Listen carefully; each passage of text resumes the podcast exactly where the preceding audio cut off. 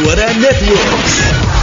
Bogor 100,8 FM Serang 91,4 FM Sukabumi 96 FM Kuningan 89,8 FM Indramayu 92,2 FM Kulon Progo 93,8 FM dan 94,6 Radio Kota Perak Radio Network, Radio Network, Mega. Network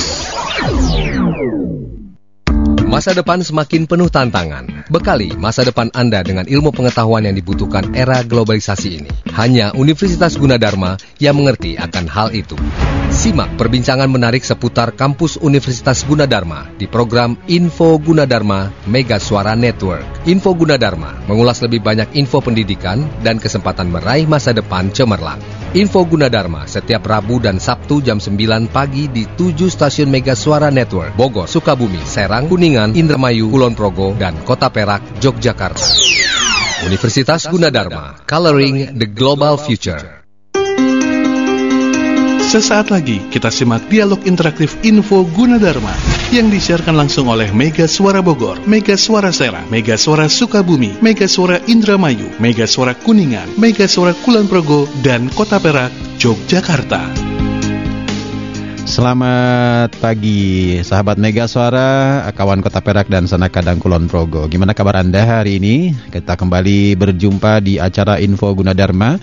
Acara ini uh, disiarkan secara langsung oleh tujuh stasiun Mega Suara Network yaitu Mega Suara Bogor, Sukabumi, Serang, Indramayu, Kuningan, Kulon Progo dan uh, Kota Perak, Yogyakarta. Tentu saja untuk Anda yang akan bergabung nanti bisa mendengarkan sampai tuntas nanti ya. Buat sahabat Mega Suara, saat ini kita akan berbincang-bincang seputar Universitas Gunadarma mulai dari pendaftaran mahasiswa baru kemudian juga uh, sekaligus mengenal apa saja fakultas-fakultas yang ada di Gunadarma. Dan pagi ini sudah hadir narasumber kita yang akan berbincang bersama kita di Info Gunadarma. Ada Ibu Dr. Dini Wahyuni Eskom MMSI, sorry MMSI ya, dosen di Universitas Gunadarma. Selamat pagi Bu Dini. Selamat pagi. Apa kabar? Baik. Iya, saya panggil Selamat Bu pagi. Dini ya Bu ya. Iya boleh. Pak. Kebetulan karena baru pertama kali ketemu. Selamat pagi Bu, gimana sehat?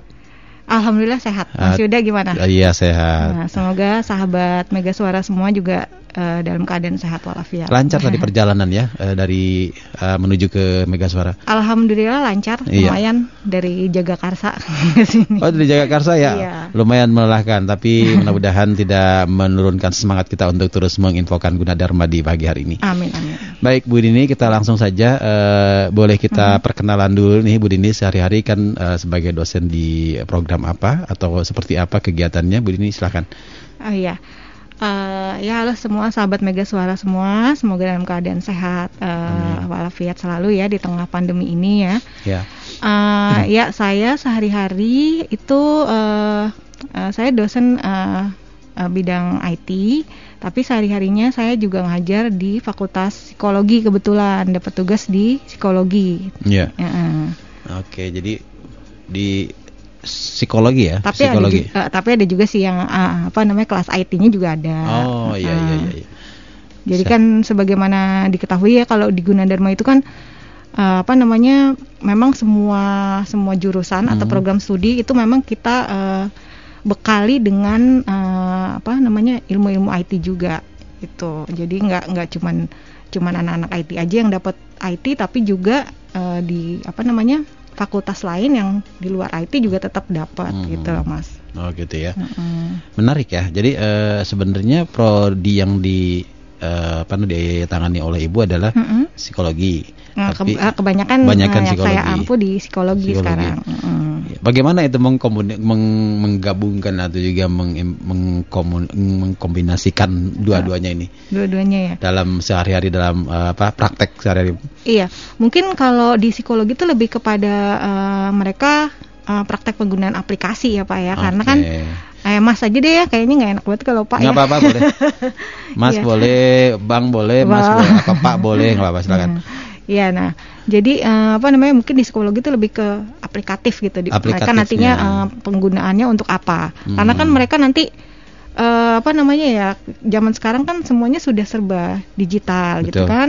Nah mereka juga harus terbiasa dengan Hmm. eh, apa namanya mempergunakan atau meng mengimplementasikan ya semuanya peralatan-peralatan yang berbas- berbasis IT Hmm. dalam kehidupan sehari-hari mereka. Mungkin nantinya uh, terutama kalau di psikologi itu uh, lebih kepada misalkan nanti mereka kan kalau di uh, program sarjana mereka juga tetap harus dilatih untuk menulis ilmiah gitu ya. Oh iya. Nah, pada saat penulisan ilmi- ilmiah itu, mereka kan juga memulai kegiatan penelitian gitu, penelitian kecil-kecilan lah ya. Iya, iya. Nah, itu mungkin nanti bisa mempergunakan aplikasi seperti hmm, apa namanya untuk untuk apa aplikasi stat- statistik gitu ya, tapi yang berbasis IT Hmm. gitu. Nah, itu nanti mereka bisa pergunakan mungkin bang, apa Word Excel aja mungkin mereka juga nggak terlalu tahu tadinya kan gitu nggak terlalu menggunakan tapi akhirnya mereka harus terbiasa juga menggunakan itu gitu Ya, sejauh ini aplikasi-aplikasi yang menjadi apa namanya produktif dari eh, psikologi itu sendiri, misalnya seperti apa di dalam nah, kaitannya dengan bidang teknologi? Misalnya kan ada pasti produk-produk psikologi yang ingin di dikomunikasikan, disampaikan atau seperti apa?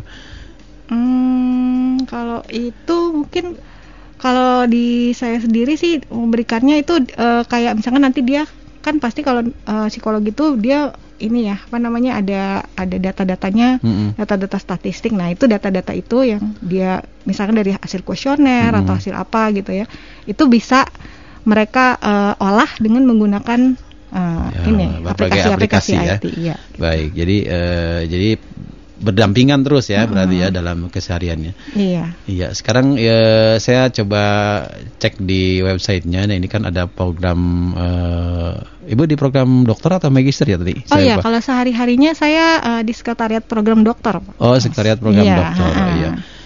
Ada tiga program dokter ya kalau tidak salah, ekonomi, teknologi informasi dan psikologi. Nah, iya. Ya, Ibu Widi eh, apa namanya di psikologi ya. Ah, enggak, eh, kalau di program dokternya kita em, semuanya itu tiga program, Tiga eh, program. dokter Oh, itu iya, memang iya. saya di bawah pengelolaan. Cuma tiga kalau dokter. mengajar mungkin ya? Cuman kalau ngajarnya mungkin kebagiannya pas di Psikologi. fakultas psikologi. Baik, gitu. iya.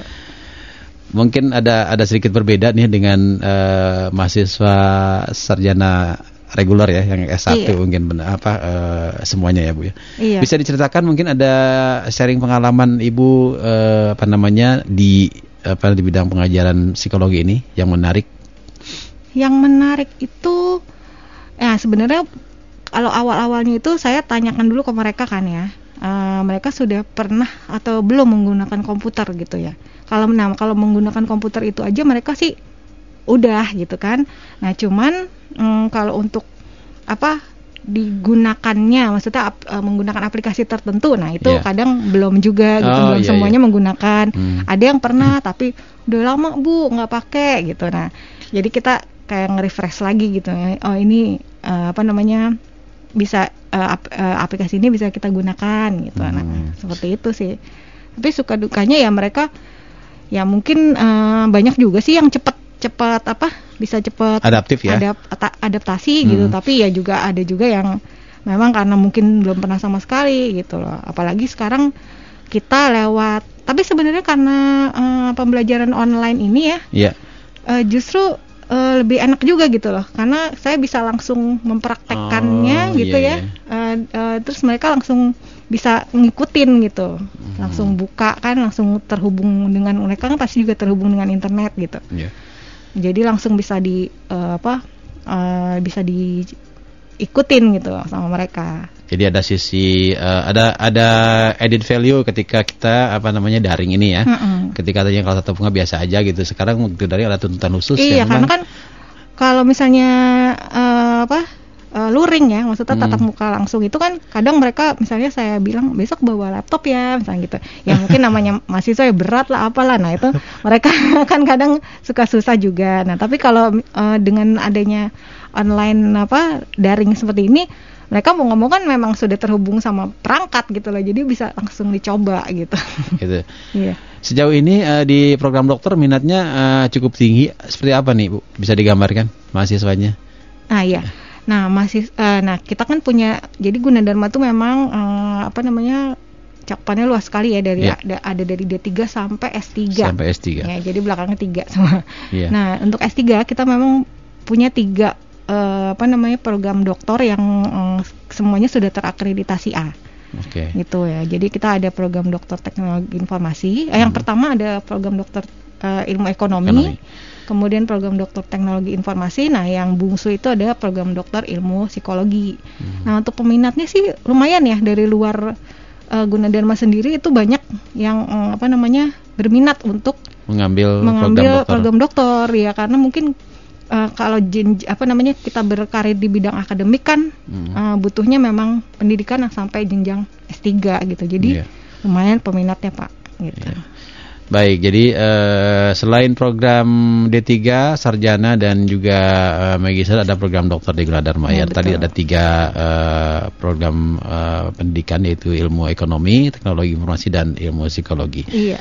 Ya baik Bu Dini kita nanti akan lanjutkan bincang-bincang kita ya karena masih Iya. banyak informasi yang kita gali seputar Universitas Gunadarma secara keseluruhan termasuk juga mungkin eh, pengalaman Ibu yang mungkin juga sempat berproses dengan mengajar eh, program-program lain Oh iya. atau baik. juga di kelas sarjana misalnya atau sebelum-sebelumnya masih kita bisa sharing ya untuk di hari ini. Oke. Baik kita tetap bersama di Info Gunadarma kami kembali setelah yang berikut ini.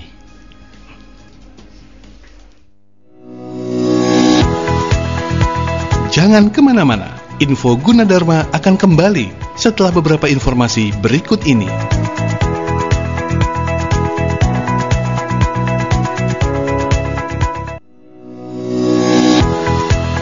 Kita kembali di info Gunadarma. Ya, sahabat Mega Suara, kawan Kota Perak dan juga Sanak Kadang Kulon Progo masih bersama Info Gunadarma dan eh, Ibu Dr. Dini Wahyuneskom MSI juga masih eh, hadir untuk bersama kita. Baik, Bu Dini, kita lanjutkan lagi ya. Oke, Mas. Tadi menarik sekali ada memang eh, program-program yang memang juga berjenjang di Universitas Gunadarma mulai Mhm. dari eh, sarjana apa D3 ada Ya. juga eh, apa namanya S- Sarjana, S1 dan juga magister dan magister dan doktor. doktor.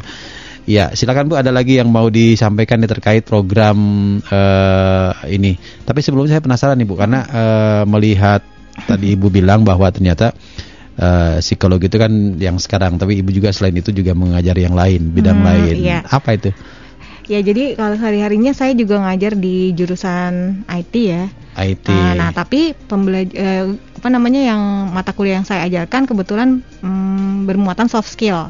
Soft Nah, skill. jadi Oke. eh, ya, jadi mungkin bi- sobat Mega Suara bisa eh, biar bisa ngetahuin bahwa di Gunadarma itu juga ada mata kuliah yang berbasis soft skill. Jadi Hmm. semuanya nggak apa namanya tidak hanya melulu kita berikan aja, tapi juga eh, jadi kita gali eh, soft skillnya mereka. Jadi supaya mereka apa nanti siap nggak untuk terjun ke dunia kerja gitu loh. Ya jadi di di apa namanya di mata kuliah yang berbasis soft skill ini kita nggak melulu ngasih gitu, Hmm. ngasih eh, apa yang apa namanya eh, ngasih apa teori-teori dan sebagainya, tapi kita justru menggali mereka ini bisa eh, apa namanya em, bisa melakukan apa nih kalau Hmm. misalkan kita kasih ka- satu kasus kayak gini. Kebetulan eh, apa namanya di soft skill itu saya ada eh, namanya mata kuliahnya pengantar bisnis informatika.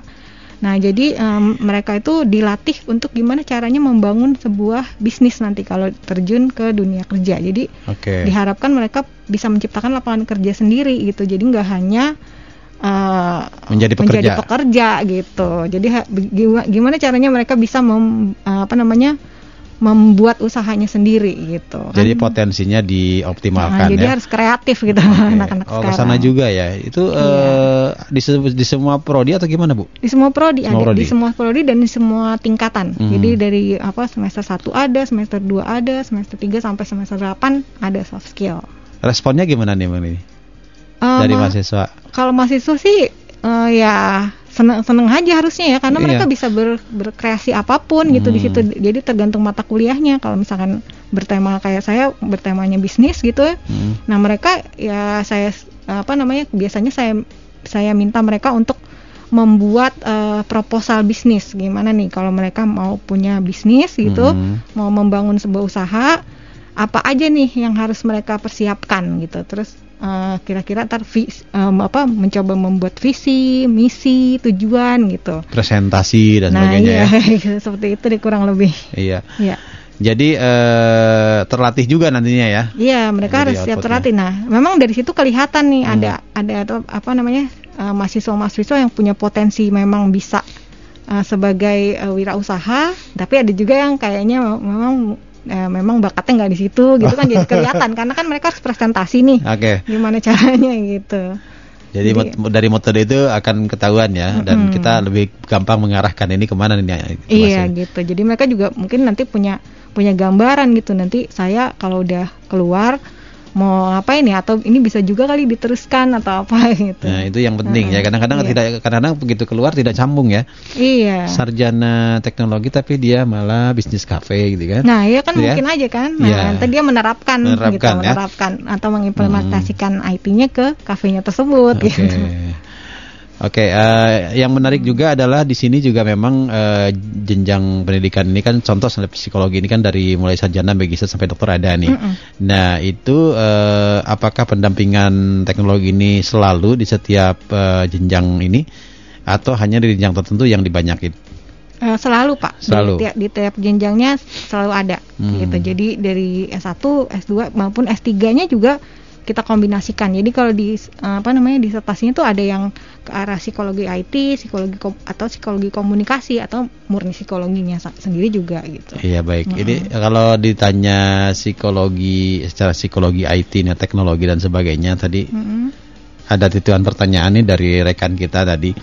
eh ini mungkin komentar ya Bu ya. Oh, Ibu iya. sebagai eh, apa namanya pengajar di sebuah universitas atau di Gunadarma yang membidangi teknologi dan juga si- psikologi. Nah, mungkin bisa sedikit sampaikan Bu, secara psikologis masyarakat kita ini eh, bagaimana tingkat kesiapannya untuk Kesiapan. menghadapi eh, kepesatan teknologi seperti ini. Misalnya kan kemarin era pandemi ini kan daring semua, kemudian eh, mas calon mahasiswa juga dituntut harus adaptasi dengan eh, perkembangan yang terjadi.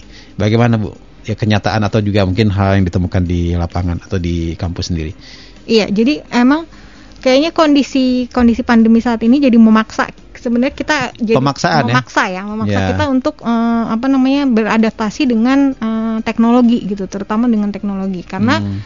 Karena kita segala sesuatunya sekarang dibatasi Mhm. ya eh, untuk apa namanya bersosialisasi dan terutama apa physical dis- distancing dan Iya. social distancing jadi kita mau nggak mau harus me- eh, terbiasa menggunakan eh, teknologi atau memanfaatkan teknologi. Nah, tapi kalau dilihat dari sisi kesiapannya, kalau menurut saya ya, menurut saya kalau untuk di kota besar kayak misalkan Jakarta dan sekitarnya Jabodetabek itu mungkin bisa siap untuk eh, itu gitu. Tapi nah kalau kita lihat masyarakat kita yang ada di pedesaan-pedesaan gitu ya, ya banyak juga kita lihat di beritanya di televisi itu masih susah untuk apa Masih ada sebagian yang eh, susah sebagian yang susah Eh, eh, untuk teknologi. mungkin mungkin eh, perangkatnya punya tapi eh, sinyalnya Infrastrukturnya. susah infrastrukturnya Hmm. susah gitu mereka, mereka harus harus ke mana dulu titik mana Ah. dulu mungkin nyari apa tuh tower yang dekat tower supaya bisa eh, apa namanya dapat sinyal gitu atau bahkan kadang yang di desa-desa tuh saya pernah lihat juga em, mahas- eh, muridnya itu nggak punya perangkat jadi Aha. gurunya dateng gitu dateng bola gitu, ya? ah, jemput bola ya habis harus tetap berjalan kan gitu Nah, dalam Gitu sih. perilaku mahasiswa ada nggak yang eh, terkendala seperti itu, Bu?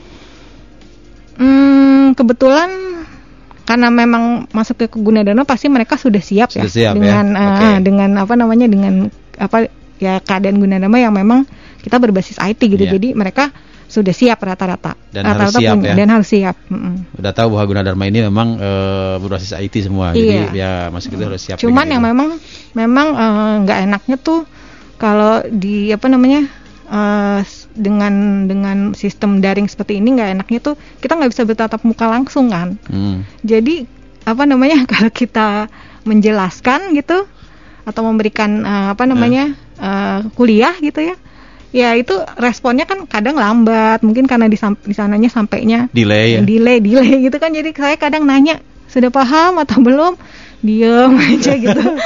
Atau- Bukannya pada tidur mahasiswanya enggak? Nah, nggak tahu juga karena kadang-kadang juga tidak menyalakan kameranya gitu ya. Iya. Tapi ya saya pak ya paham juga sih. Mungkin kan kalau nyalain kadang jadi berat gitu kan ininya apa namanya ke- ya, ya apa namanya Jaringan. jaringannya jadi berat. Jadi gitu. multi kondisional ya. Jadi kondisinya berbeda-beda ya. Iya Ya, berbeda-beda. ada yang memang respon cepat, Soalnya ada juga setia. ada ada juga saya masih sosok itu ada yang di kemarin tuh ada yang di NTT. Oh. Ada. Jadi mereka karena pandemi kan belum sempat ke sini kan. Jadi Oh, mereka gitu. memang belajarnya dari sana ada yang dari Lampung gitu. Jadi tapi alhamdulillah bisa mengikuti semua sih.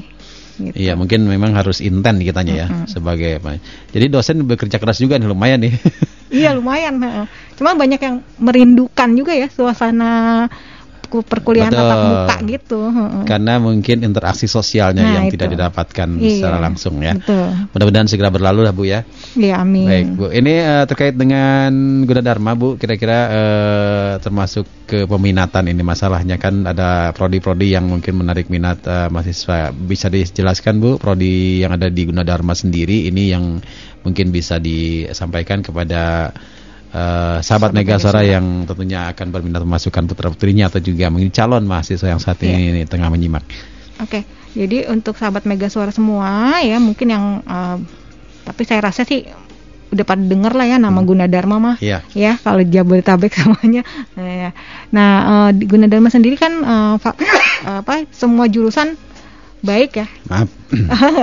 Maaf Bu ya. Nggak apa-apa. Nah semua jurusan tuh di kita baik. Akreditasinya mostly sudah A semua Hmm. gitu. Dan bahkan kita eh, baru-baru ini itu eh, sudah ada yang eh, beberapa program studi yang eh, mendapatkan eh, ini apa namanya akreditasi namanya ISK. ISK itu apa Bu? Ya, jadi ISK itu instrumen eh, instrumen suplemen konversi, konversi. Jadi ISK gitu ya. Jadi nah, nah ini jadi nanti eh, selanjutnya untuk apa namanya hmm, penyesuaian akreditasi. Jadi nanti bukan A, B, C lagi gitu. Oh. Jadi kita ada unggul, baik sekali, Oke. dan uh, baik gitu. Nah, kebe- kebetulan di Gunadarma sendiri itu sudah ada sebentar. Ya, yang meraih itu yang mencapai itu ya. ISK iya. ISK itu. Iya, jadi ada eh, lima lima pro- prodi yang sudah eh, apa namanya mencapai eh, unggul gitu. Iya. Heeh. Jadi- Apa aja, Bu? Nah, yang pertama itu kebetulan S3 ilmu ekonomi, Mhm. kemudian S3 ilmu psikologi, S1 teknik elektro, Mhm. S2 teknik elektro dan D3 akuntansi. Itu kita Oh, sudah oke. eh, akreditasinya unggul gitu. Nah, nanti doain aja deh Mas, mudah-mudahan menyusul, untuk Menyusul program studi program studi yang, yang lainnya. lain. Iya. Jadi kategorinya unggul ya. Nah, tadi balik lagi. Jadi pertanyaannya di awal eh, apa program studi apa kira-kira Iya. yang eh, banyak diminati ya. Hmm. Nah, tentunya karena Gunadarma itu basisnya adalah IT dan awalnya sekolah tinggi ilmu komputer Hmm. dulunya. Nah, yang paling diminati memang di jurusan IT. Teknik informatika, manajemen eh, sistem informasi dan Sistem teknik komputer. komputer eh, atau sistem komputer gitu. Oke. Jadi eh, ini masih paling tinggi diminati ya di Gunadarma ya. Iya, betul. Iya, selain yang lain-lainnya. Dan Mm-mm. eh, kita juga kemarin ada apa informasi bahwa ada kedokteran juga ya Oh iya, yang sudah hadir di Gunadarma juga udah lama. iya. Nah, ini ada anak desain juga ada banyak desain ya di sini yang minat desain. Oh Eh, desain interior ya iya. kita ada eh, ada juga jurusan desain interior ya walaupun ya baru-baru banget juga enggak tapi eh, lumayan cukup banyak diminati. Mm-mm. Tekniknya banyak ya di sini ada di sarjana juga main tekniknya ya. Oh iya banyak ada teh selain teknik informatika tadi ya Iya. ada teknik komputer di D3-nya kemudian ada teknik elektro, teknik mesin, teknik industri, teknik sipil perencanaan dan teknik arsitektur. Mm-mm. Nah, peminatan ini kan biasanya mengacu kepada basis SMU-nya nih biasanya Oh, iya. atau SMK-nya. Nah, ini eh, seperti apa Bu? Ini kan ada mungkin yang anak sosial tapi dia pinginnya ke ini eh, karena lihat Gunadarmanya jadi ngambil yang di lintas lintas minat eh, yang dia eh, background di SMA-nya gimana nih Bu? Ada Oh, iya. nggak seperti itu? eh untuk yang teknik ya biasanya kalau kalau misalnya dia apa namanya SMK ya SMK kan juga ada jurusan-jurusannya kalau Iya. nggak salah nah, nah misalkan dia ada SMK-nya jurusan elektro ya kita sarankan untuk ngambil jurusan teknik elektro Jadi melanjutkan gitu ya? Hmm. gitu nah kalau misalnya untuk yang IPA sih terbuka banyak kesempatan ya kalau IPA itu hampir sem- semua semua jurusan IPA bisa. Hmm. Cuma kalau IPS misalnya mau ngambil jurusan yang komputer itu kita bisa eh, di jurusan sistem informasi Mhm. ya kalau di, di ITI belum bisa kebetulan tapi kalau di sistem informasi itu bisa tapi dia harus nilainya eh, kita punya standar Ada standar tertentu. iya Oh, gitu. jadi mungkin lebih ke sistem informasinya gitu ya. iya betul Oke, bukan tekniknya ya. bukan tekniknya jadi Iya. eh, sistem informasinya gitu. Baik. Baik Bu, eh, nanti kita akan kupas lagi ya mengenai program eh, pendidikan yang ada di Gunadarma, kemudian seperti apa juga mekanisme pendaftaran dan lain-lain, terus ada apa saja juga eh, kegiatan-kegiatan yang lainnya di luar ke akademik mungkin nanti kita bisa sampaikan. Dan kita kembali bersama di Info Gunadarma setelah yang berikut ini. Jangan ke mana-mana, info Gunadarma akan kembali setelah beberapa informasi berikut ini.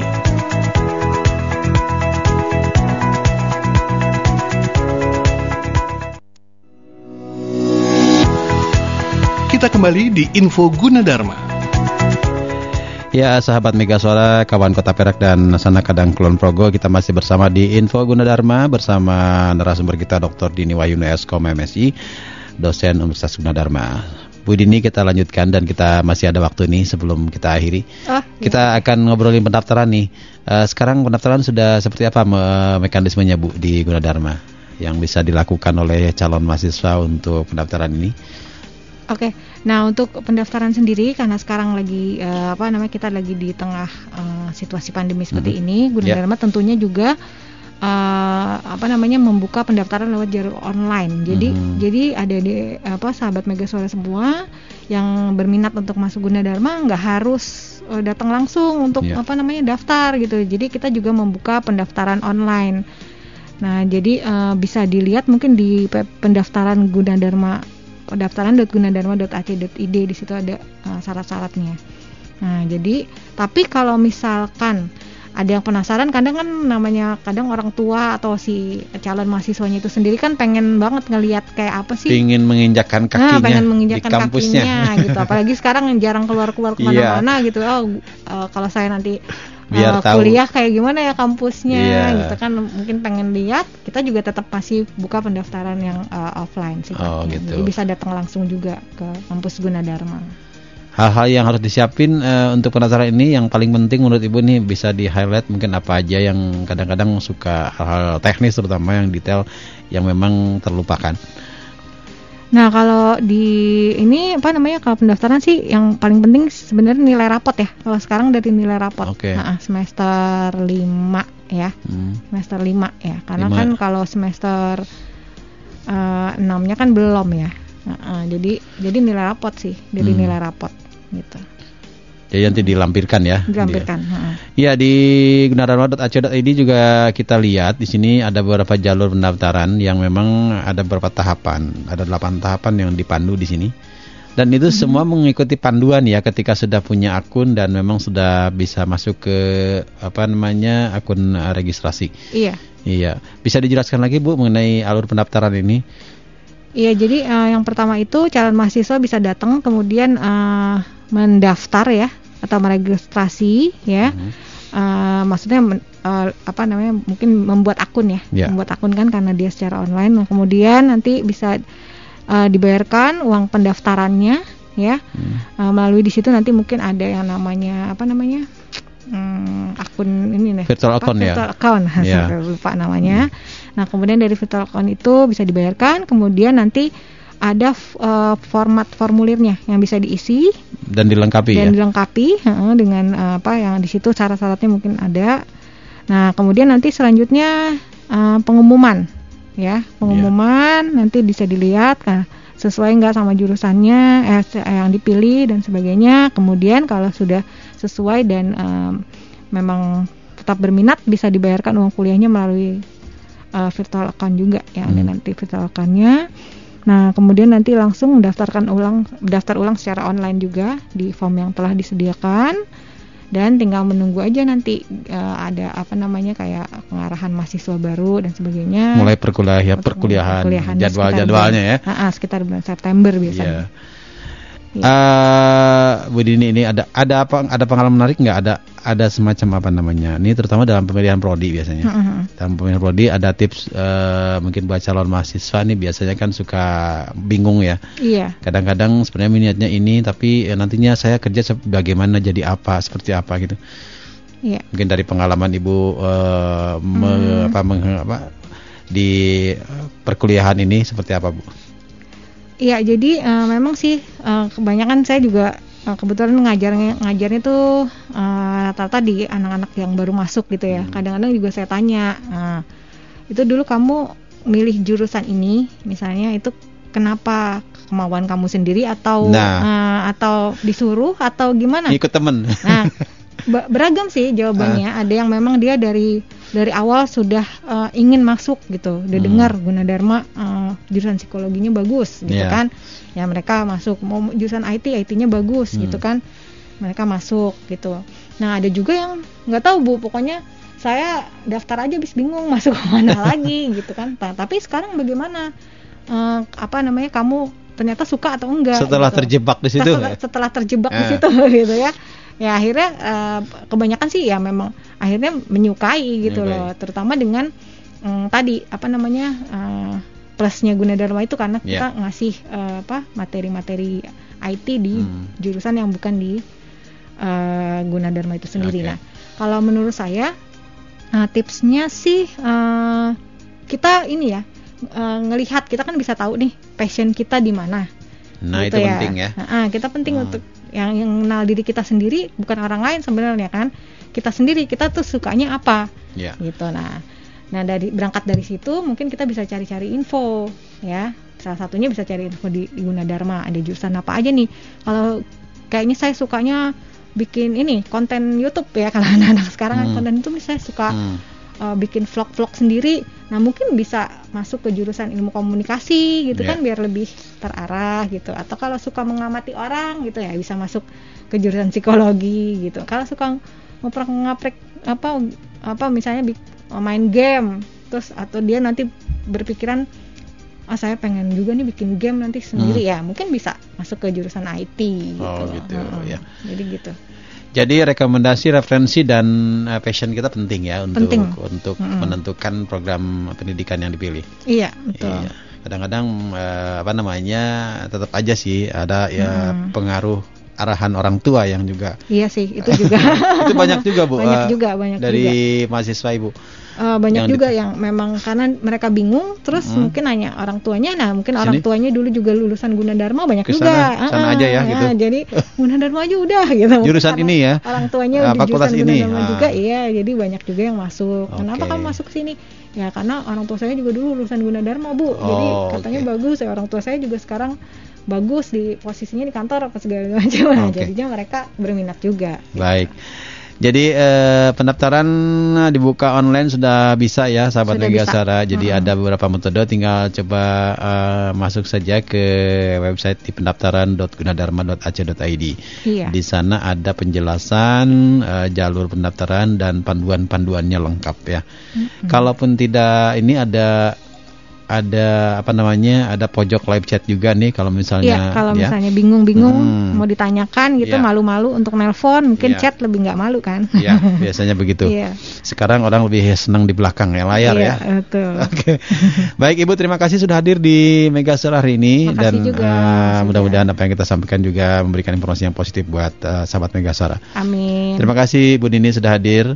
Sahabat Mega Suara, kawan Kota Perak dan Sanaka dan Kulon Progo, kita harus akhiri jumpa kita di Info Gunadarma hari ini dan tadi kita berbincang dengan narasumber Dr. Dini Wahyuni Eskom MSI, salah satu dosen di Universitas Gunadarma. Terima kasih atas kebersamaannya. Kita jumpa lagi di lain kesempatan.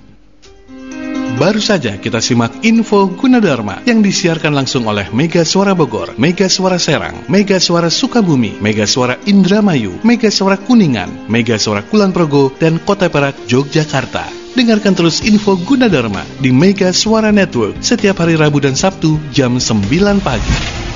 Masa depan semakin penuh tantangan. Bekali masa depan Anda dengan ilmu pengetahuan yang dibutuhkan era globalisasi ini. Hanya Universitas Gunadarma yang mengerti akan hal itu.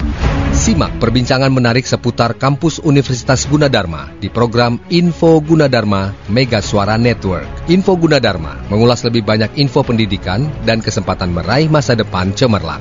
Info Gunadarma setiap Rabu dan Sabtu jam 9 pagi di 7 stasiun Mega Suara Network, Bogor, Sukabumi, Serang, Kuningan, Indramayu, Kulon Progo, dan Kota Perak, Yogyakarta.